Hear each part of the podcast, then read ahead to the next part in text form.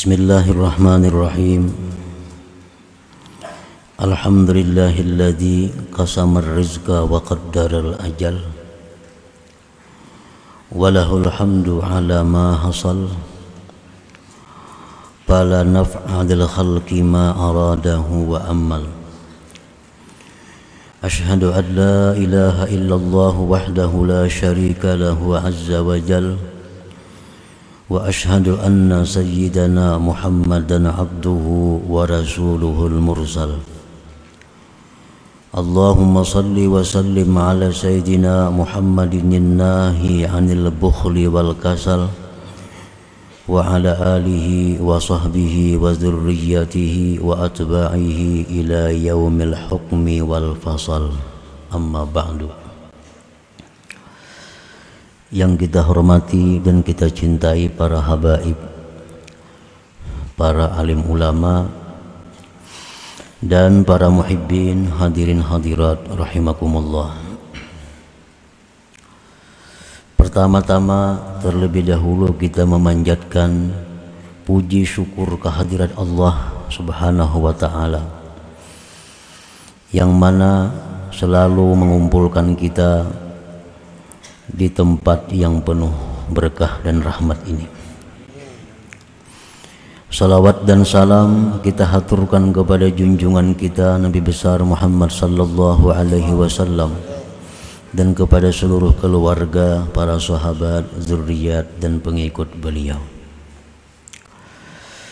Para muhibbin rahimakumullah, al-hikmatu sittun min al-hikamil ataiyah قال الإمام أحمد ابن عطاء الله السكندري رحمه الله ونفعنا بعلومه Hikmah yang ke-60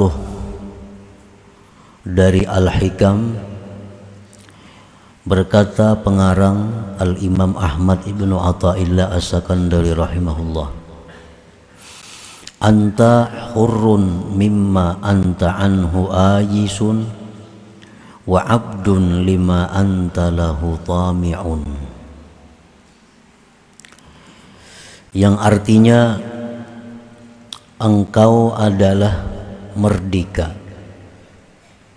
Engkau bebas daripada sesuatu yang adalah engkau dari sesuatu itu tidak berhajat tidak bergantung dan engkau adalah budak.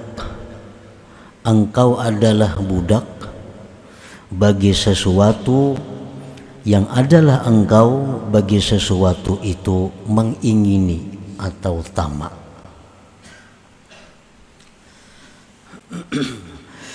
Nah, para muhibbin rahimakumullah. Artinya kita ini merdeka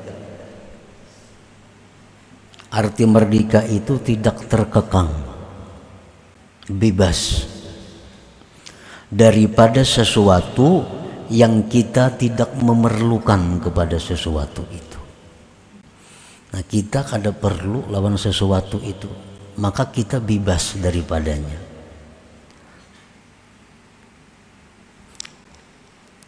Dan kita menjadi budak bagi sesuatu yang kita ingini kita menjadi budak bagi sesuatu yang kita ingini.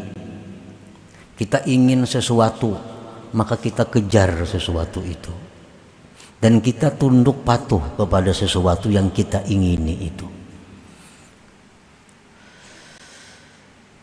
Jadi orang yang tamak, orang yang tamak, maka dia merupakan budak bagi yang diingininya. Orang yang tamak dengan harta, dia budaknya harta. Siang malam, pagi sore, dia kejar harta itu. Orang yang tamak dengan jabatan, dengan kedudukan, siang malam dia kejar kedudukan itu sampai dia dapatkan kedudukan itu. Nah, itu adalah hambanya, budaknya kedudukan, budaknya harta. Para muhibbin rahimakumullah, ini hikmah yang ke-60 merupakan kesempurnaan dari hikmah yang ke-58, 59 dan ini yang 60. Membicarakan tentang tamaknya kita. Tamak itu adalah sesuatu ketergantungan kepada selain Allah dan senang tenang dengan selain Allah disebut tamak. Termasuk di dalamnya adalah rakus, tidak merasa cukup dengan yang telah diberikan oleh Allah Subhanahu wa taala. Qala Nabi sallallahu alaihi wasallam iyyakum wattama fa innahu faqrun hadir. Aku takuti kamu bersifat tamak karena tamak itu adalah merupakan pakir yang ada. Bagaimanapun orang itu banyaknya punya harta, kalau dia masih tamak, dia itu sebenarnya adalah orang fakir. Dia itu sebenarnya orang yang fakir. Orang yang tidak mempunyai harta, tetapi hatinya kaya. Nah, tetapi hatinya tidak tergantung kepada selain Allah. Itulah yang disebut dengan rinal qalbi kayaknya hati seseorang dari selain Allah subhanahu wa ta'ala.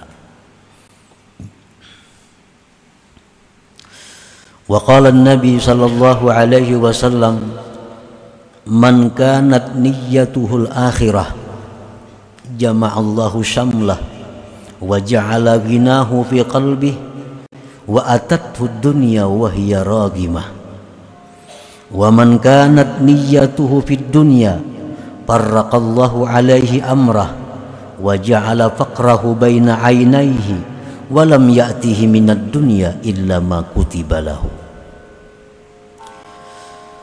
Rasulullah Shallallahu Alaihi Wasallam bersabda, barang siapa mengingini akhirat mengingini akhirat. Orang ini ingin menjadi hambanya Allah. Orang ini ingin dapat keridhaan Allah. Orang ini ingin masuk surga. Itu yang diingininya. Maka Allah himpunkan baginya perkara yang tercerai-berai dan Allah jadikan kekayaannya di dalam hatinya dan dunia akan datang kepada dia dalam keadaan menyerah dan hina. Orang yang hidupnya ini niatnya, keinginannya akhirat.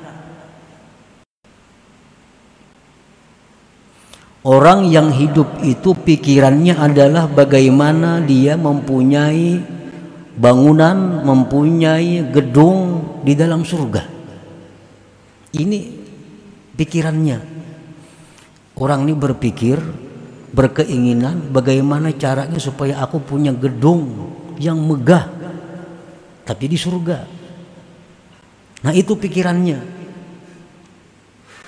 Nah, orang ini akan didukung oleh Allah segala urusan-urusan yang tercerai-berai menjadi satu, menjadi mudah. Dan hatinya dikayakan oleh Allah. Dunia yang dijatahkan untuk dia akan datang hina menyerah kepadanya. Dan barang siapa keinginannya itu pada dunia, Nah, orang ini hendak berisi rumah nang megah nang mewah tapi di dunia. Hendak berisi kendaraan nang baik nang mewah tapi di dunia. Hendak mempunyai kebun ternak nang banyak tapi di dunia. Parrakallahu alaihi amrah Allah cerai beraikan atasnya urusannya. Dan Allah jadikan kepakiran di hadapan matanya dan tidak datang kepadanya dunia kecuali yang sudah ditetapkan baginya. Jadi artinya orang-orang yang mengingini duniawi ini akan selalu sibuk karena urusannya tercerai berai dan selalu merasa fakir, merasa kada cukup. Dan dunia yang diberikan Tuhan kepadanya kada berubah daripada apa yang ditetapkannya di dalam Lauhil Mahfuz di masa azali dahulu kala.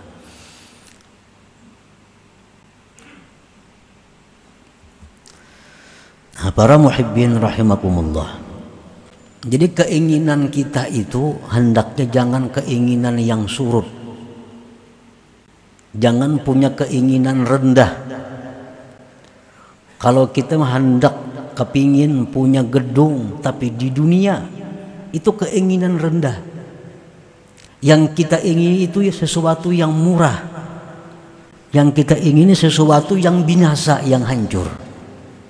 Tapi kita tingkatkan keinginan kita itu kepada gedung-gedung yang di surga yang kita miliki. Mobil-mobil mewah di surga tapinya. Apabila kita demikian pikiran kita, demikian keinginan kita, dunia itu akan datang sendirinya kepada kita tanpa susah payah mencarinya. Nah, para muhibbin rahimakumullah. Qala Nabi sallallahu alaihi wasallam man asbaha wad dunya akbaru hammi yulzimullah ta'ala qalbahu thalatha khisal hammun la yanqati'u abada wa syughlun la yatafarraju minhu ab la yatafarragu minhu abada wa faqrun la yablughu muntahahu abada Rasulullah Shallallahu Alaihi Wasallam bersabda, barang siapa berpagi-pagi dunia yang menyita pikirannya. Artinya orang ini bangun guring, nah imbas yang subuh, itu sudah memikirkan tentang urusan-urusan duniawi, urusan-urusan yang kada dibawa mati artinya. Maka orang seperti ini Allah lazimkan di hatinya tiga perkara. Satu, hammun la yang katiu abada, kerisauan yang tidak putus selamanya. Yang kedua, kesibukan yang tidak pernah lapang dia daripadanya. Yang ketiga, kepakiran yang tidak ada ujung baginya selamanya. Nah, para muhibbin rahimakumullah. Jadi pagi hari nabai kanan bangun guring imbas sembahyang subuh itu waktu-waktu yang kita disuruh Allah untuk zikrullah waktu itu waktu yang disuruh Allah kita memikirkan akhirat. Ini waktu pagi. Awal siang awal hidup kita. Pagi-pagi itu Allah menyuruh kita agar berpikir akhirat. Jangan berpikir dunia. Oleh karena itu Allah Subhanahu wa taala memberikan ganjaran yang sangat besar kepada orang-orang yang di pagi itu berzikir kepada Allah. Shallal fajra fi jama'atin qa'ada yadhkurullah ta'ala hatta tatlu' asy-syams thumma shalla rak'atain kanat lahu ka ajri hajjatin wa umratin tammatin tammatin tammatin. Biar Barang siapa sembahyang subuh berjamaah Kemudian duduk berzikir Membaca Quran kah, salawat kah, menuntut ilmu kah Sampai terbit matahari. Kada sampai sejam itu Kada sampai sejam Lagi sembahyang subuhnya tengah enam Begininya. Hmm, Kada sampai sejam. Sampai terbit matahari. Sembahyang israk dua rakaat atau duha dua rakaat. Maka baginya mendapat pahala haji umrah sempurna, sempurna, sempurna ujar Nabi. Nah ini adalah satu dorongan kepada umat bahwa hendaknya di pagi-pagi itu jangan memikirkan urusan duniawi. Isilah waktu pagi itu dengan akhirat. Nah, para muhibbin rahimakumullah qala ba'dul hukama at-tama' ala thalathati aqsam. Tamak itu tiga macam. Kismun mahmud wa kismun mazmum wa kismun ghairu mahmud wala mazmum. Ada tamak yang dipuji. Ada tamak yang dicela. Ada tamak yang tidak dipuji tidak dicela. Macam-macam tamak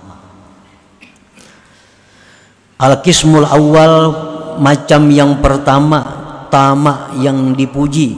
Qaulihi ta'ala hikayatan an khalilihi Ibrahim alaihi salam walladhi atma'u ay yaghfira li khati'ati yaumaddin. Seperti firman Allah mengisahkan Nabi Ibrahim. Nabi Ibrahim berkata wallazi atma'u bermula yang aku tama bermula yang aku ingini bahwa Allah mengampuni dosa-dosaku di akhirat nanti Nah, tamak dengan urusan akhirat itu dipuji. Selalu merasa kurang dalam hal urusan akhirat. Selalu merasa bodoh, akhirnya rajin menuntut ilmu. Selalu merasa kurang tubatnya, selalu tubat kepada Allah. Nah, ini tamak juga tapi dipuji karena tamaknya ini kepada akhirat. Wal qismu sani macam yang kedua ayyashghalahu an ada'i awamirillahi ta'ala aw yurida jam'al mal takasur wat tafakhur. Tamak yang dicela itu adalah tamak yang mencegah dia daripada yang menghalangi dia daripada menunaikan perintah Allah. Nah, ini keinginan-keinginannya itu nah. Membuat inya ini terhalang daripada yang disuruh Allah. Sembahyang berjamaah tertinggal wirid-wirid kada terbacai? Pengajian-pengajian ditinggalkan. Untuk mencapai mencari sesuatu daripada duniawi. Nah ini yang dicela tamaknya tamak seperti ini yang dikatakan Imam Hasan Basri halakuddin wa pasaduhu at-tama binasanya agama seseorang itu berada pada tamak. Ini kalau urusan usahanya paling sulit meninggalkan. Paling sulit meninggalkan usaha. Jakanya kawa kada beperayan tapi kalau urusan ibadah nah itu kurang lebih urusan menuntut ilmu kurang lebih. Bila ada kepentingan lain kepentingan usaha. Ya ada usaha yang berjamaah. Ada usaha ke pengajian karena ini ada urusan usaha. Nah ini tamak yang dicela. Tamak ini yang merusak agama seseorang.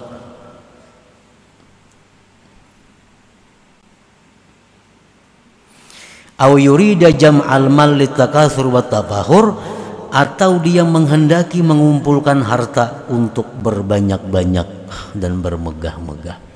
Nah, inya ini tamak. Waktunya bagus. Pengajiannya kada tertinggal, berjamaahnya kada tertinggal. Tapi di waktu-waktu kosong dari kegiatan agama, inya mencari dunia untuk berbanyak-banyak dan mengumpulkan duniawi. Ini pun dicela juga alhaakumut takasur hatta zurtumul maqabir. Kamu itu dilalaikan oleh berbanyak-banyak. Sampai kamu mati. Hatta zurtumul maqabir sehingga kamu ziarah kubur sehingga kamu masuk kubur artinya. Nah ini yang dicela.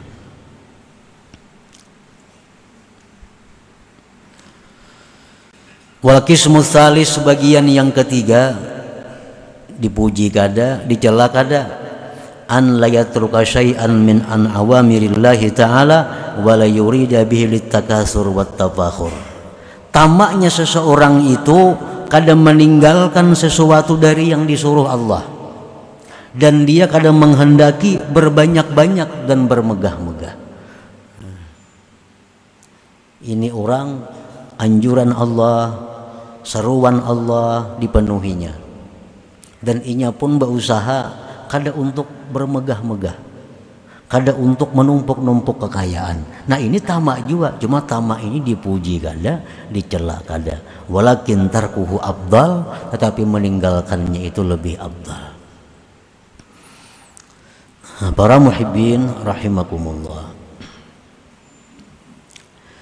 Su'ila al-Ghazali hal yazidur rizqu bit talab wahal yanqusu bitarkit talab Imam Al-Ghazali ditanya ditakuni adakah berusaha itu menambah rezeki?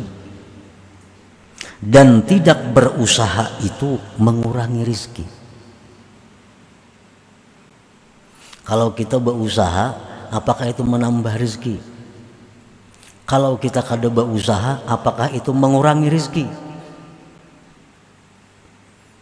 Imam Ghazali menjawab kalla. Tidak artinya tidak.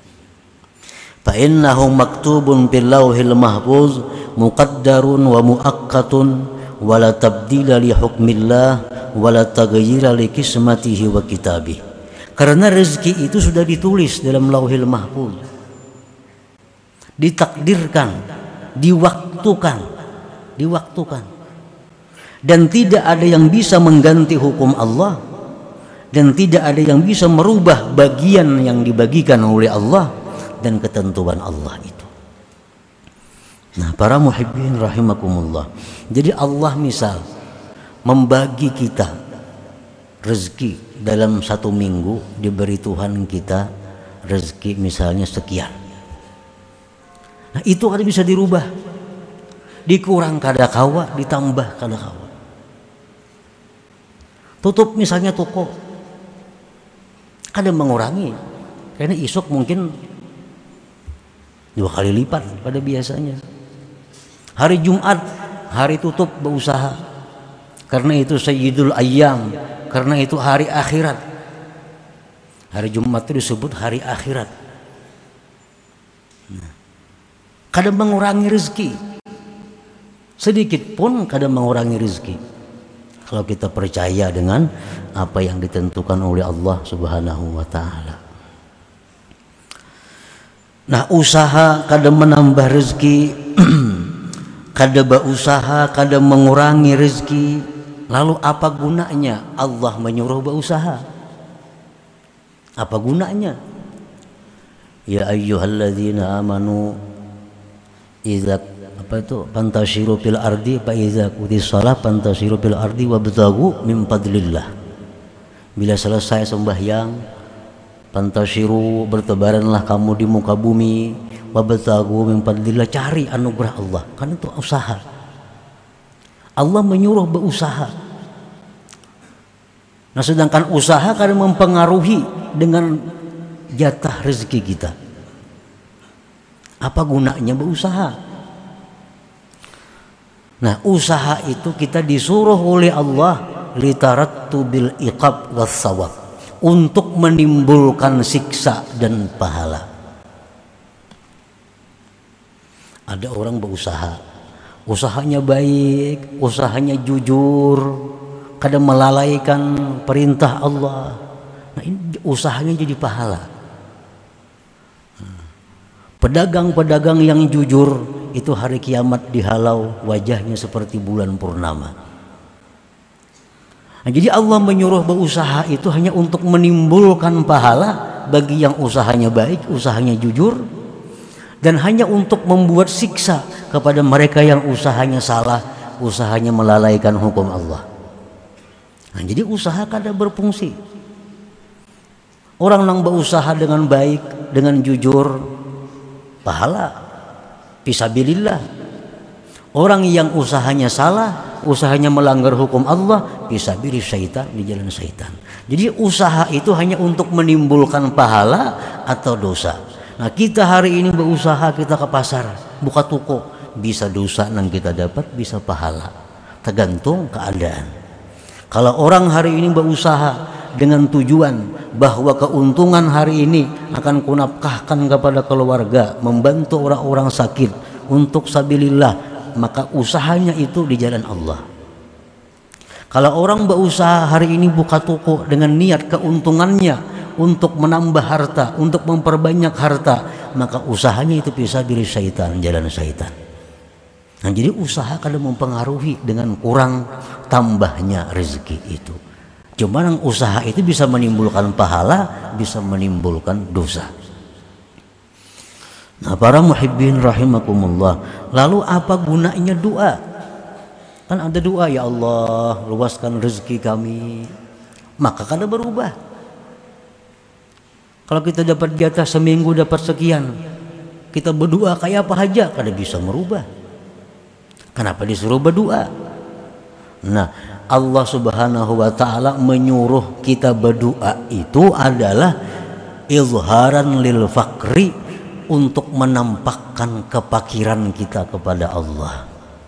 Allah menyuruh kita berdoa itu hanya untuk menampakkan bahwa kita berhajat kepada Allah. Maulah doa kita, doa kita nang manusia nih. Apalagi nang banyak dosa nih. Kau merubah ketetapan Allah, terlalu hebat doa. Nah, jadi doa itu hanya Allah menyuruh kita agar agar bahwa kita ini nampak fakir di hadapan Allah agar kita nampak berhajat di hadapan Allah. Jadi doa kada akan merubah apa yang ditetapkan oleh Allah dalam ilmunya di dalam lauhil mahfuz itu. Nah para muhibbin rahimakumullah. Lalu kenapa kadang-kadang begitu kita berdoa terjadi. Kita berdoa ya Allah luasakan pengharian rezeki hamba nah. Hamba nak bayar hutang. Biasa sehari dapat rezeki 10 ribu 15 ribu. Begitu bisukan berdoa sekali dapat sejuta hari itu. Nah, kan kayak doa modelnya kabul nih. Kayak doa modelnya kabul padahal itu sudah ketetapan Allah. Hari itu memang dapat saya itu. Sama orang misalnya uh, memotong sesuatu. Begitu diputungnya putus. Tataknya pagar. Model kayak lading yang memagat itu. Modelnya padahal lading itu ada daya upaya. Itu ada daya upaya daripada Allah Subhanahu wa taala yang berbetulan dengan lading jatuh kepada yang dipotong tadi. Nah, amun kita madahkan bahwa doa kok makanya kamu tuh murah rezeki itu Allah taala ngarannya. Nah, Allah taala. Doa kada bisa merubah yang ditentukan dalam ilmu Allah Subhanahu wa taala. Nah jadi dengan adanya kita berdoa supaya luas rezeki kita berpahala. Kita berpahala. Karena kita menampakkan bahwa kita fakir kepada Allah. Kita menampakkan kita berhajat kepada Allah subhanahu wa ta'ala nah para muhibbin rahimakumullah jadi kada ada gunanya kita tamak itu kada ada gunanya bahayanya maka banyak. Orang yang menipu karena tamak. Orang yang mengangkat tanah orang karena tamak. Orang nang merampok, menjuntan, korupsi karena tamak. Itu halakudin binasanya agama di situ. Nah, para muhibbin rahimakumullah sampai yang hikmah ke-60 ini dari 58 59 sampai 60 pengarang membicarakan masalah tamak tadi. Selanjutnya hikmah yang ke-61. Nah, insya Allah kita sambung kembali malam Rabu yang ketiga malam Rabu yang ketiga di bulan Syawal insya Allah taala. إلى حضرة النبي صلى الله عليه وسلم الفاتحة أعوذ بالله من الشيطان الرجيم. بسم الله الرحمن الرحيم. إياك نعبد وإياك نستعين. اهدنا الصراط المستقيم. صراط الذين أنعمت عليهم غير المغضوب يا الله بها يا الله بها يا الله بحسن الخاتمة. يا الله بها يا الله بها يا الله بحسن الخاتمة. يا الله بها يا الله بها الله بحسن الخاتمة. فيا أيها الرجل منه شفاعة صلوا عليه وسلموا تسليما.